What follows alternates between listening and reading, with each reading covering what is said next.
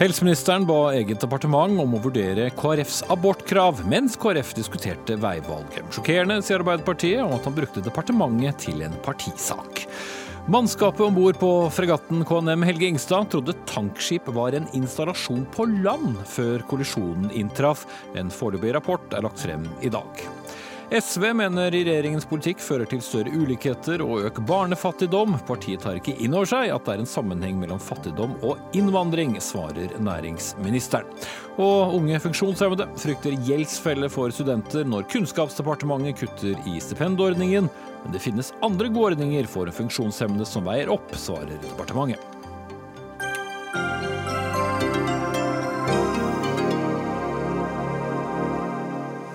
Sier vi god kveld og velkommen til Dagsnytt 18 med Espen Aas i studio. Og vi skal også snakke om den foreløpige havarirapporten, eller foreløpige rapporten snarere, fra Havarikommisjonen etter hvert. Men først skal vi altså eh, snakke om debatten eh, rundt KrFs veivalg. For mens KrF debatterte med seg selv, så ba helseminister Bent Høie juristene i sitt eget departement om å vurdere hva som ville kreves for å endre abortloven, slik den delen av KrF som ville inn i dagens regjering ønsket seg. Det var partiet Høyre som gjerne ville utvide regjeringen til også å innlemme KrF i regjeringen. Og Derfor så ville du, Ingvild Kjerkol, helsepolitisk statsperson i Arbeiderpartiet, vite om partiet Høyre hadde brukt regjeringens ressurser i saken. Og nå fikk du svaret. Var det noe galt i det svaret?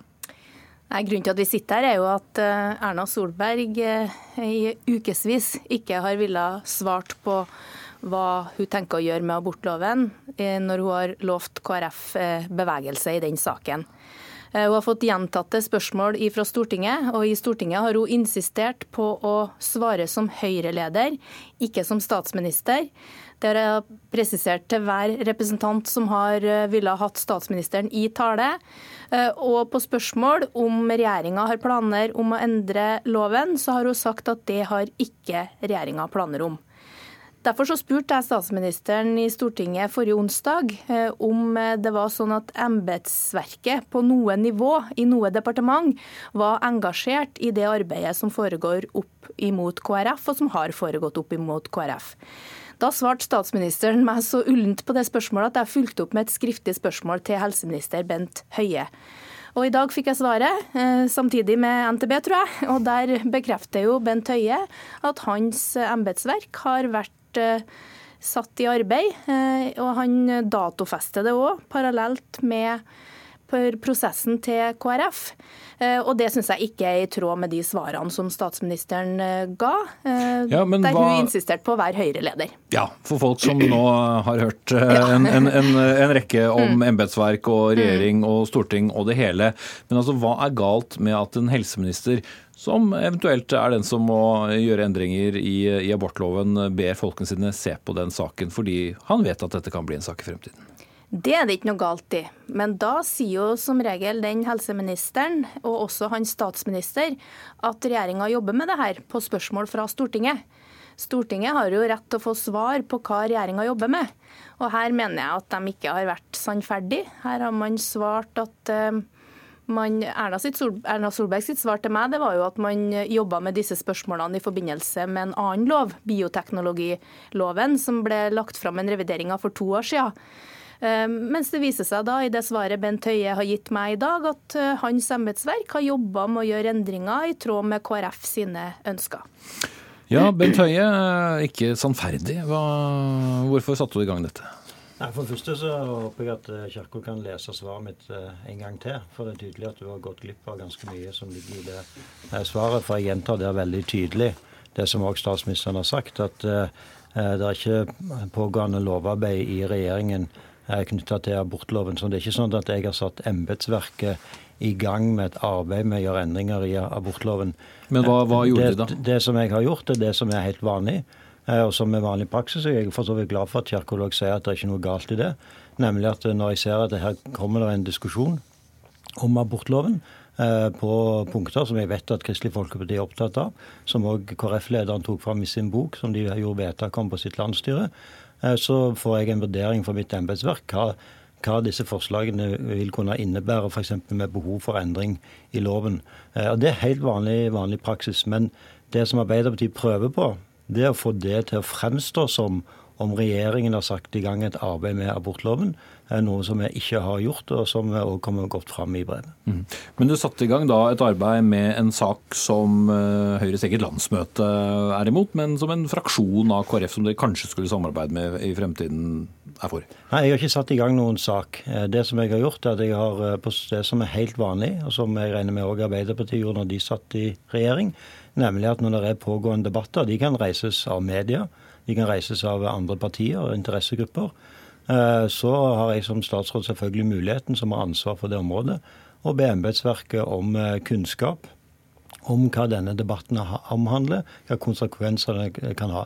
Hvis jeg hadde satt i gang et arbeid med endring av abortloven, da hadde, jeg, eh, da hadde jeg måttet gå til regjeringen og fått en beslutning om å igangsette et sånt arbeid, og det har jeg selvfølgelig ikke gjort. Mm. Jeg har brevarket til statsråden foran meg, og der står det svart på hvitt at uh, fredag 28.9 så vedtok landsstyret i Kristelig Folkeparti tre politiske grep som skulle være grunnlag for deres retningsvalg. Og med, I de prioriteringene så lå det flere tema som uh, omhandler statsrådens ansvarsområde. Da gikk han til sitt embetsverk og ba om å få vurderinger om det. Og Da mener jeg at statsråden har brukt det som er embetsverket i Norge, som skal betjene en norsk regjering, til å eh, redegjøre for mulige endringer i en lov som det ikke er flertall på Stortinget for å endre. Som det kun er ett parti som ønsker å endre, og de fikk 4,2% ved valget for ett år siden. Det mener jeg er å sette i gang et arbeid som eh, ikke har noe annen begrunnelse enn en fremtidig regjeringssamarbeid med dette eh, partiet, da, KrF. Mhm. Hva er forskjellen på å ikke, ikke sette i gang arbeid og det som de gjorde? Det, det lurer jeg litt på. Det er, det er jo helt åpenbart. Vi, er det? Ja, det er det. Eh, for det vet eh, alle som vet hvordan et lovarbeid foregår i Norge. Eh, så ville det ha krevd et vedtak i regjeringen om å sette i gang et lovarbeid med et klart mandat til embetsverket.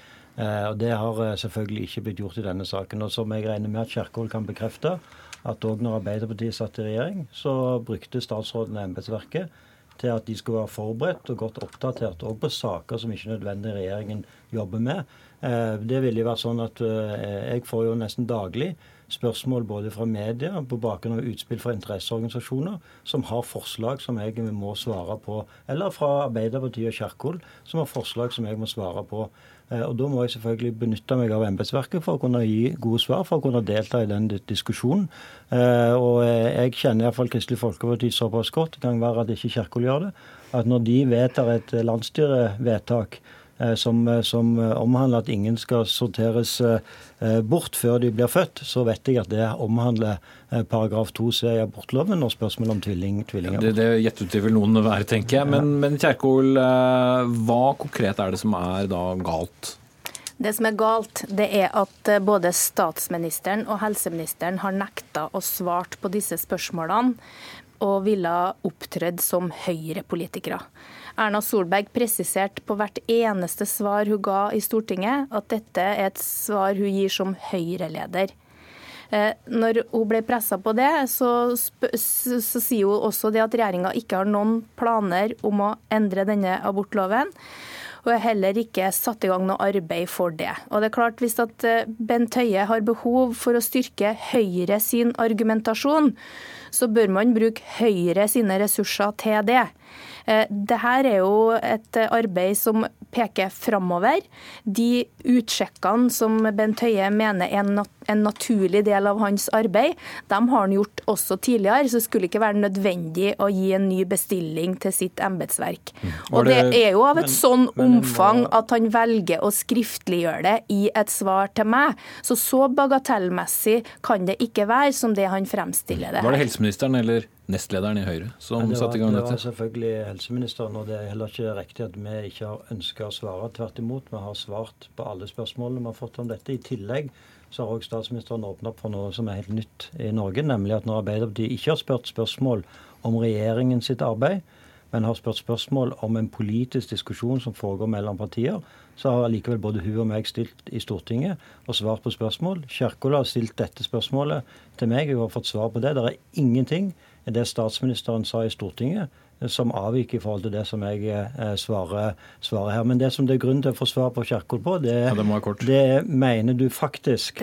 Mener du faktisk at en statsråd ikke skal kunne benytte embetsverket på den måten som jeg redegjør for i brevet? For i tilfelle det er nytt fra Arbeiderpartiet, og Det må vi dog legge til grunn hvis Arbeiderpartiet kommer i regjering igjen, at de vil legge til grunn det prinsippet som du nå legger til rette for.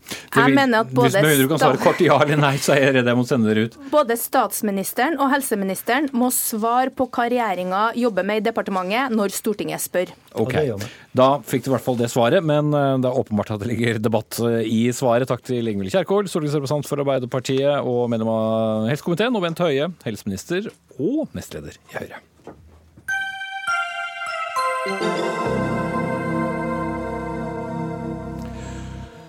Mannskapet om bord på fregatten KNM Ingstad klarte ikke å skille mellom tankskipet TS Sola og et terminalbygg på land før kollisjonen 9.11. Det forteller den eh, foreløpige rapporten fra Statens havarikommisjon. Samtidig er det avdekket sikkerhetsfeil på fregattens vanntette skott, noe som også må sjekkes på de øvrige tre fregattene som er i aktiv tjeneste.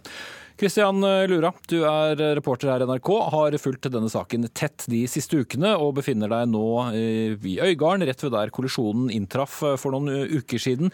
Du fulgte også rapportens fremleggelse. Hvilke svar fikk vi i dag? Vi fikk jo først og fremst det svaret at, eh, som vi kanskje ante, at her er det mange ting som har gått galt samtidig. En av tingene som gikk galt, var jo det som du nevnte, at, eh, at uh, mannskapet på Helge Ingstad faktisk eh, tok feil av lysene, dekkslysene på Sola TS og lysene på Stureterminalen, som vi ser bak meg her, de som ser dette på TV. Eh, det er jo sånn at Stureterminalen er veldig godt opplyst. Det var også Sola TS. Så ble det et spørsmål var det riktig av de å ha på disse dekkslysene når de skal, gikk fra land.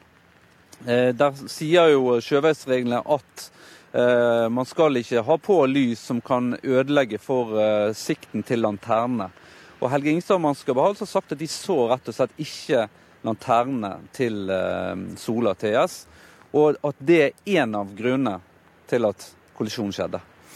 Som sagt, dette er en foreløpig rapport fra Havarikommisjonen. Kristian Lura, hvilke spørsmål er det som fortsatt står ubesvart? Ja, det, det, det, store spørsmålet er selvfølgelig Vi vet fortsatt ikke hvorfor dette skjedde. Det må være flere ting som har gått galt her. Det vi fikk høre i dag, var at eh, kartplotteren på Helge Ingstad var påslått. Den sendte ikke ut eh, signal om hvor Helge Ingstad var, men de så de andre skipene i området på kartplotteren. Radaren var også påslått. Så hvorfor, selv om de da eh, ikke kunne se med det blotte øyet dette skipet, hvorfor eh, så de ikke de Sola TS på instrumentene? Var det sånn at de drev med optisk navigasjonstrening, som gjorde at de rett og slett ikke forholdt seg til disse tekniske hjelpemidlene i minuttene før kollisjonen. Dette er spørsmål som vi enda må vente en stund på å få helt klare svar på. Takk til deg, Kristian eh, eh, Lura. Eh, Jakob Børresen, tidligere stabssjef for Sjøforsvaret, og i en tid før disse fregattene kom i tjeneste, altså. Men kan du likevel hjelpe oss med å forstå hvordan mannskapet på en fregatt kunne rett og slett tro at et tankskip var en installasjon på land?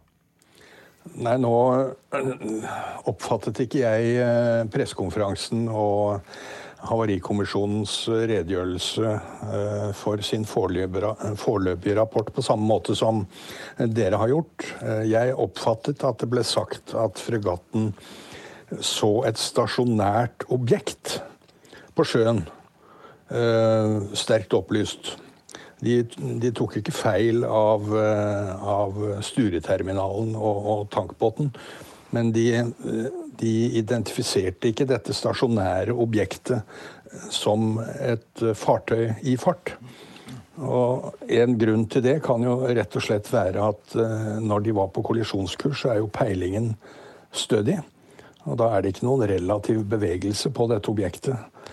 Og når da tankbåten har dekkslys på, slik at lanternene er utmaskert og, og går i ett med det sterke lyset på land på Sture, så, så skjønner jeg godt at uh, uh, man kan unnlate å oppfatte at det kommer et stort tankskip mot. Det, det har jeg ikke noen vanskeligheter med å forstå.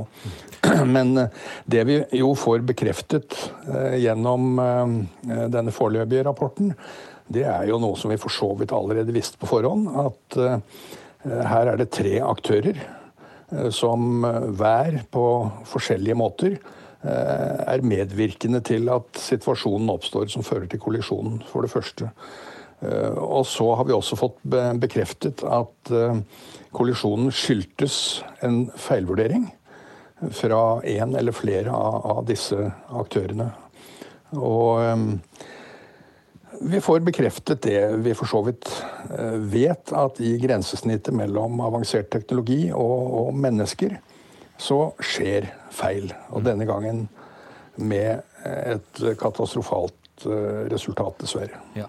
Men eh, samtidig så peker jo altså Havarikommisjonen på feil også i eh, fregattens vanntette skott. Hva slags påvirkning tror du det kan ha hatt på ulykken? Ja, Det hadde jo ikke noe med årsakene til kollisjonen å gjøre, men det førte men jo til at resultatet av, ja. av kollisjonen ble eh, mye mer alvorlig enn det ellers ville ha blitt.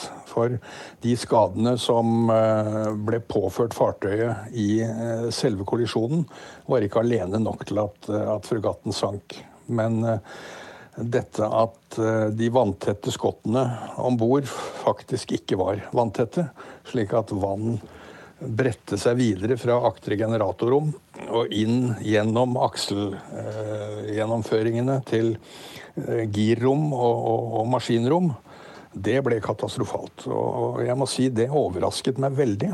Og det skal bli interessant å se hva årsaken er til dette. Om det er en konstruksjonsfeil, eller om det er byggeverftet som ikke har fulgt tegningene. Mm. Hvis det er en konstruksjonsfeil, og det gjelder på alle skipene som vi har betalt i ganske mye for, eh, gjør det oss eh, langt mer sårbare? Nei, altså nå har vi hørt fra sjefen for Sjøforsvaret i dag at Eh, de umiddelbart har satt inn eh, midlertidige tiltak for å håndtere situasjonen, slik at eh, de fire andre fregattene seiler. Og han mente også at det å utbedre denne, denne, feilen ikke ville bli veldig omfattende. Det var håndterbart. Så det er en god nyhet. Men jeg syns det er overraskende at uh, dette kan skje. Og jeg syns også det er overraskende at det ikke er blitt oppdaget tidligere. Mm.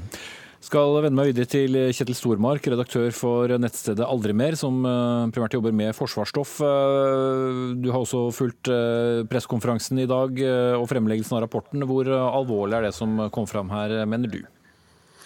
Ja, Vi får jo vite mer eh, nå eh, enn det vi visste fra før eh, om hendelsesforløpet. Men det er fortsatt en god del puslebiter som er ubesvart. Er litt mer spørrende for så vidt enn det Jakob Børresen er, knytta til hvordan det er mulig med to radarskjermer og et hva skal jeg si, en skjerm som viser AIS-signaler for andre fartøy i området rundt, og går glipp av at hvor mange fartøyer det er som er på forut på din sørgående kurs. og at man da kun noen sekunder før kollisjonen oppfatter at det er et stort tankskip.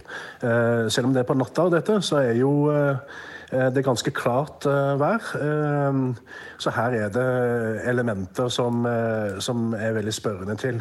Men det som er den bekymringsfulle dimensjonen av dette, er jo at forsvarsevnen er jo allerede vesentlig svekka ved at én av fem fregatter er ute når nede for telling, er da havarert.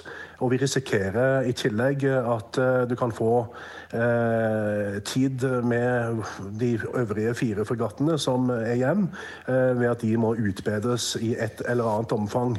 Eh, jeg er litt usikker. Eh, nå er jeg ikke en ekspert på, på skipskonstruksjoner eh, i enda mindre grad enn det Jakob Børresen er, så jeg skal være ydmyk for den dimensjonen. Men denne hule propellakslingen som har gått gjennom flere vanntette skott, som førte til vanninntrengning fra ene, de, de, de, skottene som hadde måte vann i seg, og til skott som normalt ikke skulle måte bli utsatt for, for vanninntrengning, selv i det scenarioet man opplevde i den situasjonen her, det høres jo ut som noe som ikke umiddelbart enkelt kan utbredes i løpet av meget kort tid. Så det gjenstår jo å se da, hvor eh, stor denne utbedringsjobben blir.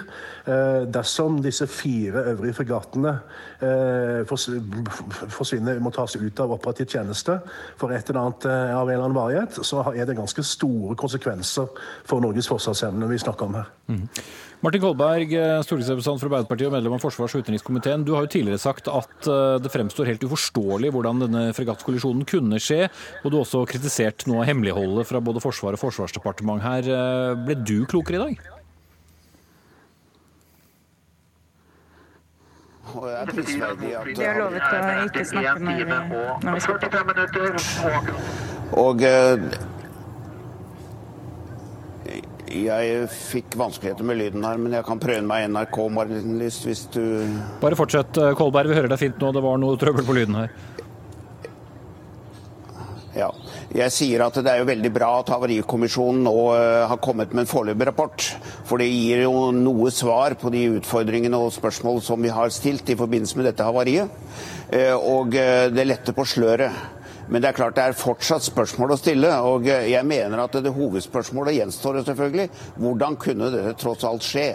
Vi har fått en delvis forklaring, men eh, det er jo ikke hele forklaringen, og den gjenstår. Og eh, Arbeiderpartiet kommer nå til å ta initiativ til å be statsråden komme til Stortinget og redegjøre for saken i plenum. Mm.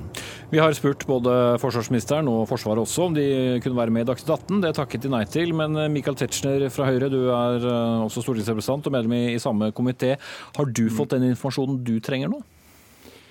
Ja, Dette er en informasjon vi alle får, som er foreløpig. Og jeg syns det er fortjenstfullt at den foreligger altså tre uker etter denne kollisjonen. De har arbeidet meget hardt. De dro opp 14 mann fra disse to havarikommisjonene som det er snakk om, både den for transport og den for Forsvaret. Og så må vi også legge til at uh, Sjøforsvaret har uh, igangsatt sin egen interne granskning, så her kommer det mer uh, etter hvert også. Og dette betyr jo ikke at, at denne foreløpige rapporten sier jo selv hva den skal undersøke videre. Og det som er litt interessant, før man begynner å skjøte på med sine egne eh, forestillinger om hva som kan ha skjedd, utover det som nå er fastslått, så, så, peker den jo på at det er ikke mulig å peke på én en enkelt hendelse eller én en enkelt vurdering. Det er, det er, mange faktorer som nå skal, gå, eh, skal bli gjennomgått. Så Vi ser jo frem til å få den eh, endelige rapporten, og det lover jo godt at den foreløpige rapporten som eh, vi har fått anledning til å lese i dag, eh, allerede er her og har blitt presentert også fyldig i en pressekonferanse tidligere i dag. Mm. Martin Kolberg, i rapporten kommer det også frem at det er avdekket også sikkerhetsfeil på andre fregatter. Hvor godt rustet er egentlig Sjøforsvaret nå, slik du forsto det? Ja, Det må jo være en åpenbar svekkelse. og Det er jo litt foruroligende at man etter så mange år oppdager en slik sikkerhetsfeil, og at det måtte en slik hendelse til for å se det. Det må jeg si. Og jeg har jo en del erfaring med fregattene fra arbeidet i kontroll- og konstitusjonskomiteen i forrige periode, og det har Michael Tetzschner også. Og vi vet jo at det var betydelige utfordringer knytta til fregattene på flere områder, og nå har vi kanskje, kanskje fått et nytt eksempel. Men jeg eh, vil ikke trekke noen alvorlige konklusjoner av av dette. Dette får fagfolkene se på. Vi fra Stortingets side vi er bare opptatt av å få vite sannheten. Og jeg må få lov til å si, programleder, at jeg syns det, det, er eh, helt OK med Michael Tetzschner. Men igjen har vi et eksempel på at de som står nærmest dette, altså statsråden først og fremst, men også Forsvarets ledelse, altså ikke vil stille opp i det offentlige rom og snakke om denne hendelsen. Og det reagerer og det, du på? Den, den kulturen der ja, den kulturen der må det bli slutt på. Det er ikke noe snakk om å, dele ut skyld her, men det er, å, det er rett og slett å, å, stille opp i offentligheten og forklare hva det er som har skjedd. Hvis det har skjedd en feil, så er det på mange måter en sak som det går an å, å akseptere og forstå hvis det har vært en vanskelig feil, men det å ikke stille opp, ikke la seg diskutere, forsøke å holde dette unna offentlighetsdiskusjonen, det reagerer jeg veldig på, og det må det bli slutt på både fra forsvarsministerens side og fra Forsvarets side. Du kan ikke svare på verken eh, på vegne av forsvarsministeren eller Forsvaret, Tetzschner. Nei, men jeg har, jeg har, lyst til å minne litt om rollen her. fordi det er klart at På Stortinget kan vi som enkeltrepresentanter på vegne av våre eh, velgere og og sympatisører og den alminnelige offentlighet stille kritiske spørsmål og be om å få dem besvart. Når en statsråd svarer offentlig, så er det jo med helt andre betingelser han gjør det, eller hun det skal jo nettopp være eh, svar med to streker under. Og vi har en foreløpig rapport som også selv sier at denne er heller ikke offisiell. Det er ingen offisiell rapport før den endelige rapporten eh, foreligger. Og det betyr at øh, Nå vet jeg ikke hvorfor øh, man, man, ikke stiller her, men jeg har en mistanke om at det er fordi man har opptrådt veldig korrekt og ikke ønsker å spekulere Eh, om hendelsesforløpet. Og jeg syns også kanskje Kolberg skulle lytte litt til eh, Jakob Børresen, som har erfaring og som har forståelse for de dilemmaene og de feilvurderingene av menneskelig art, eller andre ting som kan virke sammen i en uheldig miks, eh, som også rapporten antyder.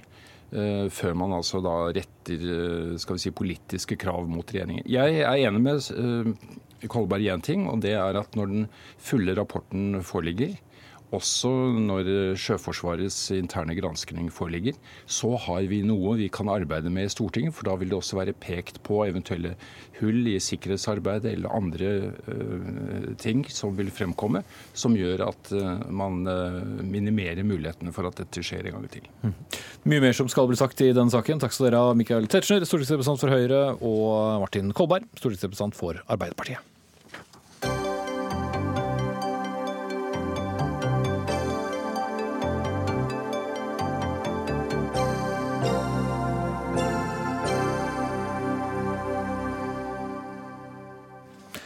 Innvandring og barnefattigdom er snart tema i Dagsnytt 18, men vi skal først snakke om en svært viktig prosess som foregår i Europa nå, nemlig Storbritannias eh, utmeldelsesprosess fra EU. For mens Storbritannias, Storbritannias statsminister den neste halvannen uken skal reise land og strand rundt for å forsøke å få forståelse og godkjennelse for sin brexit-avtale med EU, ja, så har britenes egen brexit-minister Jeremy Hunt i dag gjort det klart at noen EØS fredsavtale i den varianten som Norge har, er ingenting for den britiske regjeringen å gå inn for. Og utenriksminister Ine Eriksen Søreide, du er med oss fra flyplassen utenfor London eh, og har møtt eh, både Hunt og flere andre statsråder i dag. Hva er inntrykket ditt av hva britene egentlig ønsker seg? Jeg er faktisk med fra flyet, så vi får se hvor lenge vi klarer å holde på linja før vi tar av. Eh, nei, Inntrykket er veldig riktig som du refererer det, at både det budskapet statsminister May hadde i Oslo eh, da hun var eh, i Oslo for tre uker siden, og det budskapet utenriksminister Hunt har i dag, er veldig entydig, nemlig at en EFTA-EØS-løsning ikke er ønskelig fra britisk side. Det er det vi har forholdt oss til hele veien, og vi fortsetter å forholde oss til det. Så er jo mye av bakgrunnen for det, nemlig at de ikke ønsker felles regelverk og standarder. De ønsker ikke fri bevegelse av personer. Og det er jo begge sider ved EØS-samarbeidet som er essensielle bl.a. for det indre markedet. Mm. Eh, men et spørsmål som eh, fortsatt står noe åpent. Ville en EFTA-løsning vært noe som kunne fungert for britene? Og hadde det egentlig vært i Norges interesse?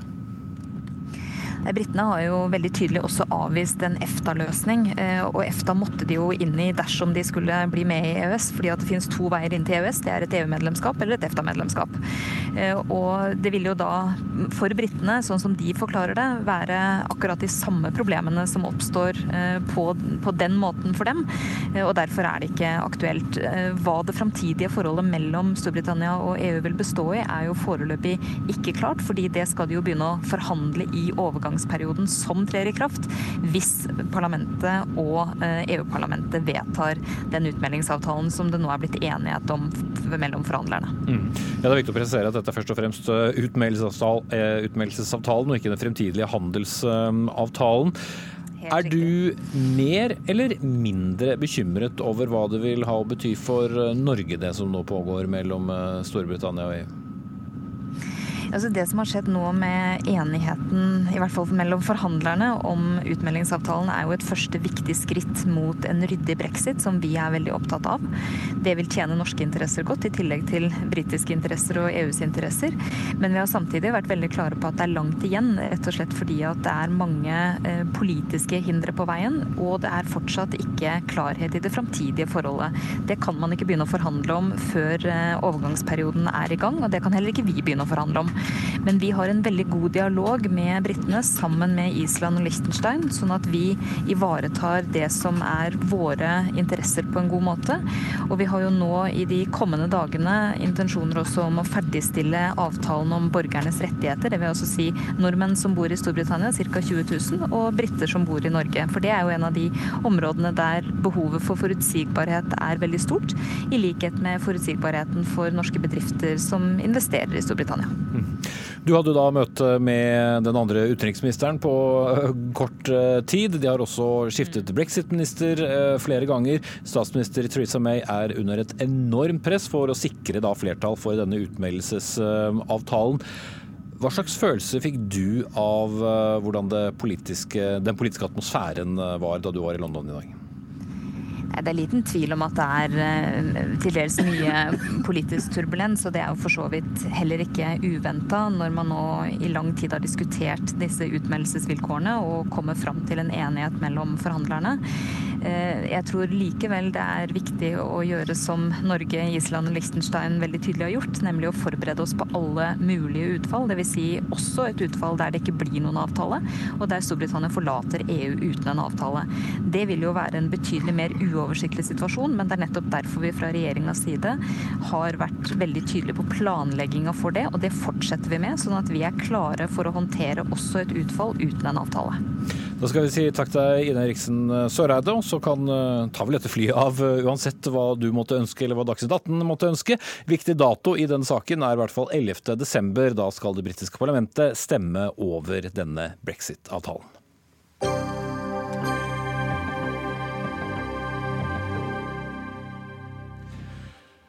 Sosialistisk eh, Venstreparti går i strupen på regjeringen i sitt alternative budsjett, og mener politikken deres fører til ulikheter og ikke minst økt barnefattigdom. Samtidig foreslår partiet å øke antall kvoteflyktninger. Men næringsminister Torbjørn Røe Isaksen fra Høyre, du sa til Nettavisen i går at SV ikke tar inn over seg at flere fattige familier er en direkte konsekvens av økt eh, innvandring.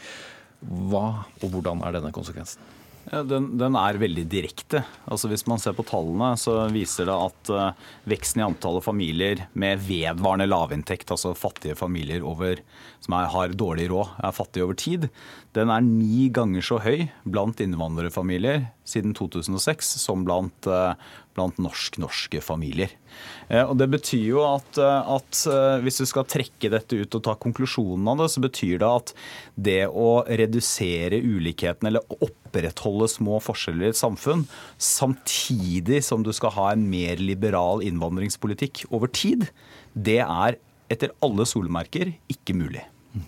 Men så hadde det ikke vært for uh, innvandringsdelen av tallene, så hadde, dere faktisk fått uh, begrenset uh, forskjellene? Nei, det er nok sånn at selv også hvis du tar ut innvandrerfamiliene, så har forskjellene altså både Det har vært noe økning siden 2006 i antallet fattige barnefamilier. Og det har vært også ganske små økte forskjeller, men noe økte forskjeller også gjennom da fra 2006 til i dag. Og så er det viktig å si at det er ikke sånn at det er ikke noe mindre problematisk at barn vokser opp i fattigdom fordi de er fra innvandrerfamilier. Det er ikke noe mindre grunn til å hjelpe dem med fritidstilbud, mindre grunn til å gi dem en god skolegang eller god barnehage. Men det er allikevel noe som skurrer når Sosialistisk Venstreparti eh, er så opptatt av veksten i barnefattigdommen og så opptatt av de økte ulikhetene, men har full berøringsangst for å snakke om konsekvensene av sin egen innvandringspolitikk. Ja, Freddy André Øvskar, stortingsrepresentant for eh, SV. Var dere litt for raske når dere konkluderte? Nei, absolutt ikke. For meg så høres det her ut som en, eh, en, dårlig unnskyldning for å ikke føre politikk som eh, faktisk reduserer barnefattigdommen. Det høres ut som en eh, unnskyldning for å ikke ta ansvar for at vi nå har altså over 100 000 barn som vokser opp i fattige familier. Det er rekord. Men, men er du uenig i premisset om at økt innvandring vil også føre til økt barnefattigdom? Ja, si, for, det, for, det, første så spiller det ikke noen rolle for SV om barnet heter Eli eller Kari eller Ali, eh, så lenge det barnet vokser opp i en fattig familie. Det er en skandale i Norge i 2018 at vi fortsatt har fattigdom, at vi har barnefattigdom som øker så mye.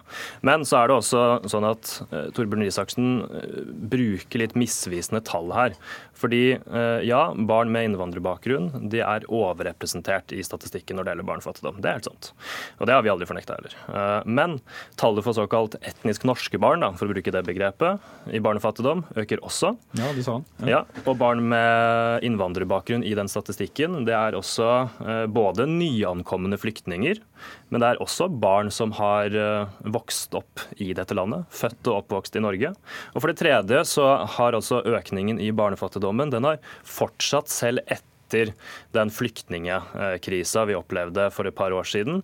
Nå er det ikke lenger sånn at vi mottar eh, mange eh, flyktninger, men likevel så øker barnefattigdommen fortsatt. Så jeg syns det er ganske usmakelig eh, å skylde på innvandring når konsekvensene av høyresidas egen politikk er økt barnefattigdom. Da må vi heller satse på virkemidler vi vet funker. Vi må øke barnetrygda, sørge for SFO, gratis til alle, senke maksprisen i barnehagen. Okay, nå har dere dratt hver deres liste. Eh, liste. med fine tiltak for å være deres politikk. Men, men hvis jeg kan si noe, det, eh, ja, veldig gjerne. Fordi, for det første så er det jo sånn at uh, ulikhetene økte uh, også, uh, og har også økt med regjeringer fra venstresiden, hvis man ser fra 80-tallet til i dag f.eks. Men så er det andre er at altså, vi kan ha, godt gjerne ha en diskusjon om hvordan vi skal adressere dette. Der er det nok forskjell på hva Høyre og SV ønsker. Vi er nok mer opptatt av f.eks. skolegang og kunnskapsskole for utjevning utjevne forskjeller enn det SV er. Men mitt poeng er jo at når SV både sier at de er opptatt av å redusere ulikhetene, eller i hvert fall hindre økt ulikhet, samtidig som de ønsker en langt mer liberal innvandringspolitikk enn i dag, så henger ikke de to tingene sammen. Eh, og det, det, er, det er, helt uh, altså Jeg mener ikke at det er usmakelig at SV ikke ser det, men jeg mener at det er enten er det et utslag av at man nekter å se virkeligheten og realiteten i øynene, eller så er det uh, et utslag av at man man ser det, men man vil helst ikke snakke om det, for det føles litt ubehagelig. Og det jeg er helt bombesikker på, det er at vi klarer ikke å gjøre noe med barn som vokser opp i fattigdom, eventuelt barn som segregeres ut av det norske samfunnet, hvis vi ikke også erkjenner at problemet har noe med innvandring å gjøre, og at høy innvandring over tid vil gjøre det vanskeligere. Justegard. Det jeg ikke forstår, er hva eh, Røe Isaksen egentlig argumenterer for. Altså enten, Hvis vi skal følge dette eh, logisk, da, eh, så enten så må vi jo være imot å ta imot flyktninger fordi de er fattige, eller så skal vi ikke føre en fattigdomsbekjempende politikk fordi det også har innvandrerfamilier som mottakere. Og det er liksom, Vi får ganske mange unnskyldninger her for hvorfor barnefattigdommen øker. Du viser både til at forskjellene har økt før, og ja, det har de, men nå har også denne regjeringen styrt i fem år, hatt ansvar ansvaret for tidenes høyeste barnefattigdom. Og så hører vi uh, at man også skylder på, på, innvandring. Men som jeg nettopp viste på de tre punktene, så stemmer det jo ikke. Barnefattigdommen øker også blant familier med såkalt norsk bakgrunn. Og da sier vi at det handler om fordelingspolitikk. Okay. Men, men uh, altså 85% av økningen uh, i barnefattigdom, eller familier i vedvarende lavinntekt, kommer blant innvandrerfamilier. Altså 85% av denne økningen skyldes økning blant innvandrerfamilier. Og så er det ikke sånn at så er det ikke at, så er det er, det er ikke en unnskyldning. Det betyr ikke at det ikke er et problem. Men det er jo det er, det er rett og slett en objektiv beskrivelse. Det er det tallene viser. Og så, er jo da, så trekker jeg en politisk konklusjon av det. Og den politiske konklusjonen er eh, altså for det første at vi må gjøre enda mer for dette. Jeg kan godt si noe om hva som ligger i regjeringas budsjett, hvordan vi jobbe med skole, barnehage gratis kjernetid, kunnskapsskole for alle, f.eks. Ja, okay, Men poenget mitt, denne, poenget mitt, i denne, sammenhengen er at når SV samtidig eh, ønsker en enda, altså en mer liberal innvandringspolitikk, og også i denne debatten ikke engang anerkjenner at her er det en problematisk sammenheng, så er det noe som skurrer i politikken. Mm, okay. Det er, ikke, det er, ikke, noe automatikk i at man skal altså ha permanent økt barnefattigdom hvis man tar imot flere kvoteflyktninger. I alle fall ikke hvis man sørger for en sosial, rettferdig, omfordelende politikk i tillegg. Men meg gjøre det? Ja, la meg fullføre det. fordi altså, Denne regjeringen har i dette statsbudsjettet foreslått altså, en såkalt innsats mot barnefattigdom. Og Samtidig så gir de altså fire ganger så mye som den innsatsen i skattekutt. Det er omfordelingspolitikk. Dette er en regjering som har kutta i barnetillegget for de uføre. Dette er en regjering som har økt egenandelene i helsevesenet. Dette er en regjering som har kutta i pleiepengeordninga. Og den lista er lang. Så du sier det er villet?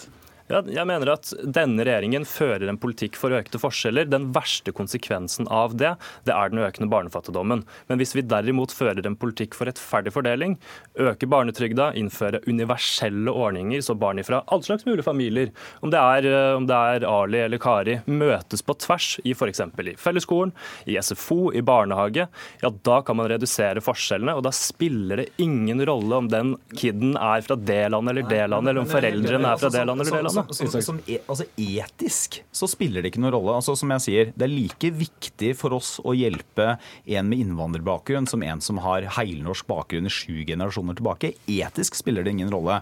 Men du klarer ikke å gjøre noe med sosiale problemer hvis man ikke forstår og anerkjenner hvorfor de oppstår. Bare La meg ta et eksempel på hvorfor de oppstår. Blant flyktningene som kommer til Norge, så er det 51,4% som har grunnskoleutdanning. Altså kun 51,4% som har grunnskoleutdanning.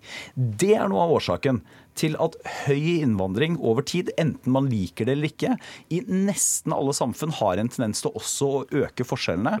Og, eh, og, og, selv med en veldig god integreringspolitikk Vi er eh, sannsynligvis blant de bedre i verden på integrering, men selv etter det så eh, vil det føre til økte økonomiske forskjeller. Og det slående er jo ikke at, jo ikke at SV altså slående er at SV vil ikke erkjenne at det kan være et problem engang. Sånn trenger det ikke å være. fordi Hvis man både fører en god integreringspolitikk og en god omfordelingspolitikk, ikke minst, så er ikke det en uløselig okay. sammenheng. Freddy André Evsgaard, stortingsrepresentant og barnepolitisk talsperson for SV. Torbjørn Røe Isaksen, næringsminister. Takk skal dere ha.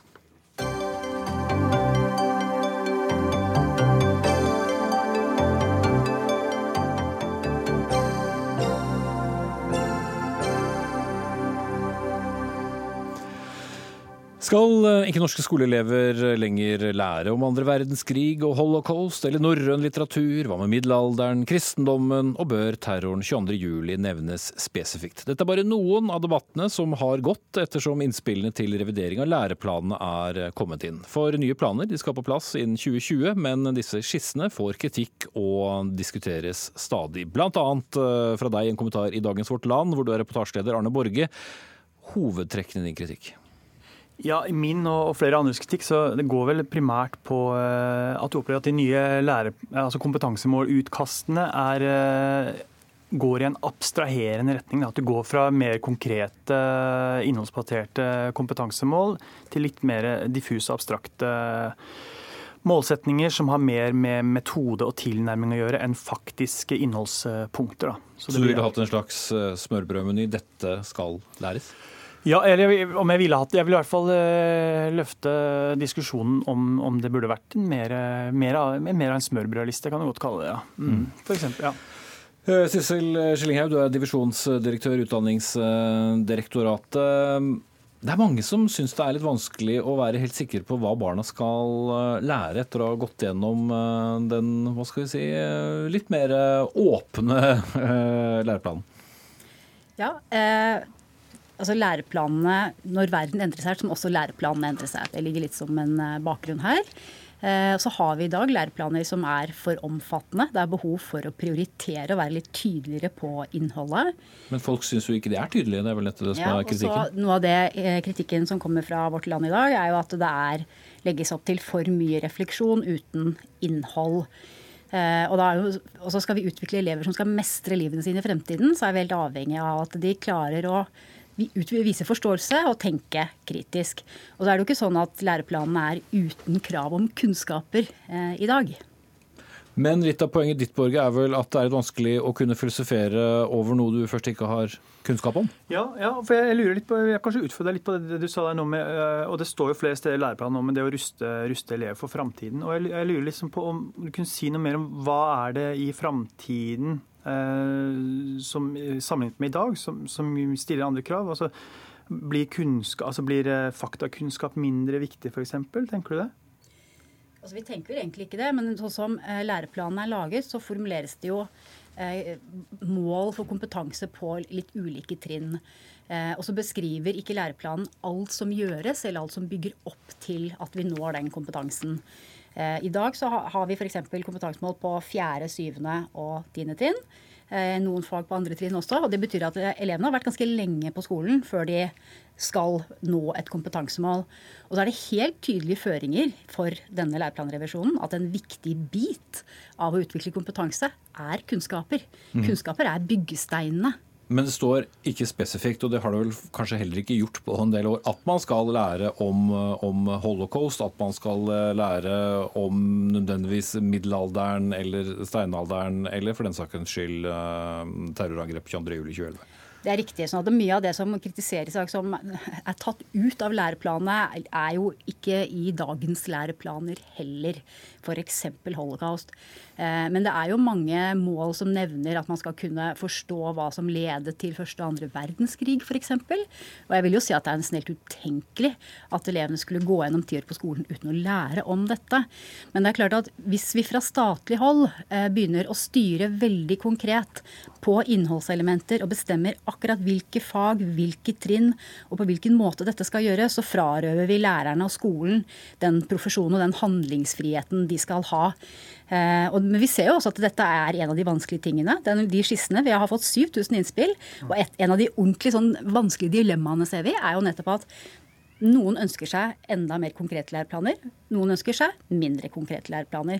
Og det spennet der mellom å skulle ha en tilstrekkelig statlig og nasjonal styring eh, og, og, behovet for lokal tilpasning er en av de vanskelige dilemmaene. Så jeg skal mm. ikke underslå at dette er krevende å gjøre på en god måte. Men Hvis jeg forsto din eh, kommentar i dag, Borge Dalese de Mores, så ønsker du deg litt mer tilbake til pugging og, og en viss felles eh, forståelse av historien og en felles læring for å være sikker på at alle har lært det samme? Ja, Det er kanskje to elementer. Det ene er jo som du sier, altså, eh, ønsket om tydeligere felles referanserammer. Da. Og det er jo kanskje, da tenkte jeg at det er et paradoks at uh, at Røe Isaksen, som nettopp var her da han var kunnskapsminister, eh, var vel den som eh, var kunnskapsminister da denne fagfornyinga ble initiert, hvis jeg har forstått det riktig. Ehm, og han, eh, sånn, sånn jeg forstår han som offentlig politiker, så er jo han nettopp en person som er veldig opptatt av disse felles referanserammene og det på en måte å ha en finne en, sånn, en konstruktiv fortelling om, om, hva norske verdier er, som ikke er ekskluderende, men Eh, men som vi kan bygge et eh, samfunn på. Han var jo bl.a. en av de som ville ha en kulturkanon, eh, foreslo det på et landsmøte i Høyre for noen år siden.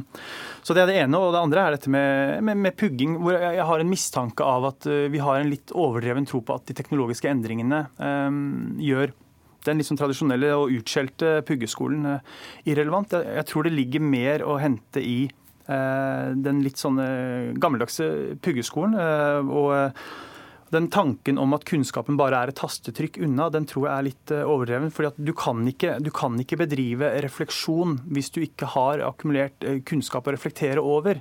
Da får du en litt sånn, eh, da får du en litt sånn obsternasig, tenåringsaktig måte å diskutere på, hvor du er veldig opptatt av å mene ting, men du er ikke så opptatt av om det du mener faktisk er riktig. Og jeg vet ikke om det er sånne borgere vi trenger flere av. Skilling.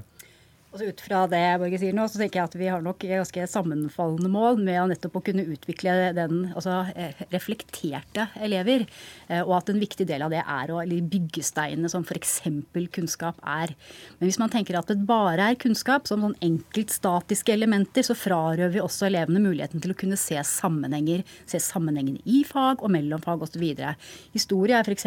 i skissene på at vi er både skapt av historien, men vi er også med på å skape historien. Og det å utvikle forståelse for det som kanskje høres litt abstrakt der, gjør du jo ikke uten å gå inn i historiske epoker og hendelser. Mm. Men det, det, virker som mange har problemer med å forstå, og vi har så sagt debattert dette noen ganger her i dette studiet også, er hvordan skal vi da være sikre på at mine barn lærer det samme som eh, andre barn, fordi det er mer opp til den enkelte historielærer eller samfunnsfagslærer hva hun eller han putter inn i undervisningen? Ja, det, I Norge så har vi et system som legger opp til stor lokal handlefrihet. Det er en av de tingene som kjennetegner oss som system. Lærerne og skolen i Norge har høy tillit til at de løser dette oppdraget på en god måte. Så jeg tror ikke vi skal bekymre oss for verken holocaust eller andre verdenskrig eller noen av de store hendelsene. Det kommer alle til å, til å tematisere. Men alle de mindre tingene som eh, alle er mer eller mindre opptatt av å ha i skolen, vil ikke være helt likt. Og det er en viktig eh, viktig prinsipp i norsk skole at det skal være mulighet til å tilpasse lokalt. Eh, det kan handle om at eh, man må kjenne elevene sine. Det er ikke så lenge siden jeg snakket med en samfunnsfaglærer som sa at det å undervise i andre verdenskrig var veldig veldig populært hos elevene, og de syntes det var kjempegøy. Men av og til så har hun elever med flyktningbakgrunn i elevgruppa. Da må hun ta andre hensyn. Og den type profesjonalitet må vi tillate lærerne å ha. Mm. Med fare for at jeg sitter og tolker deg feil, Borge. Fortsatt ikke helt overbevist? Nei, jeg, jeg, tror, altså Det vi diskuterer, jeg tror, ikke det er, eh, jeg tror ikke det er noen voldsomme Jeg tror ikke vi er så fryktelig uenige på en måte. Jeg tror det er en litt sånn kanskje kanskje nivåforskjell her i, i uenighet om hvor den balansen skal gå mellom si, sentralstyrte kompetansemål og den enkelte lærers uh, selvråderett. For det, alltid, det alltid, høres jo alltid fint ut å si at man skal gi læreren, eh, den enkelte lærer mye tillit osv. Men, uh, men vi har jo tross alt blitt enige om at vi skal ha kompetansemål. Så vi har jo, på et eller annet punkt så er vi jo enige om at vi skal ha en nasjonale kjørelinje for hva alle skoler skal gjennom. Så vi er kanskje bare litt uenige om hvor, den, hvor finmaskede disse justeringene skal være. da. Men, jeg tror vi nådde målet med denne diskusjonen i hvert fall. Takk til Arne Borge, reportasjeleder i Vårt Land, og Sissel Skillinghaug, divisjonsdirektør i Utdanningsdirektoratet.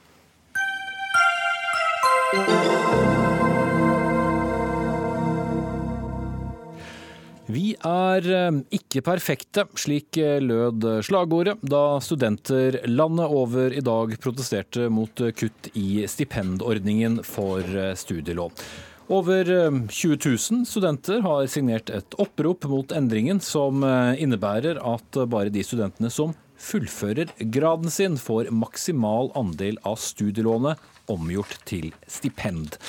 Formålet er å få flere studenter til å fullføre en påbegynt grad. Men eh, Synne Lerhold, eh, generalsekretær i organisasjonen Unge funksjonshemmede, du mener denne ordningen ikke tar inn over seg det mangfoldet som er i studentmassen. Hvordan da? Mm. Altså Generelt så tar den ikke for seg at uh, folk kan velge feil. Men fordi jeg representerer, så er det, møter de mange barrierer i høyere utdanning. Både fysisk, pedagogisk, digitalt eh, og sosialt. Og for noen av dem så blir barrierene så store at de må droppe ut av studiene.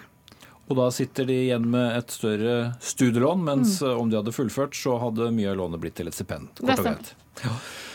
Eh, da er jo da eh, spørsmålet, Rebekka Bors, statssekretær for Venstre i, i Departementet for høyere utdanning. Har dere ikke tenkt på det?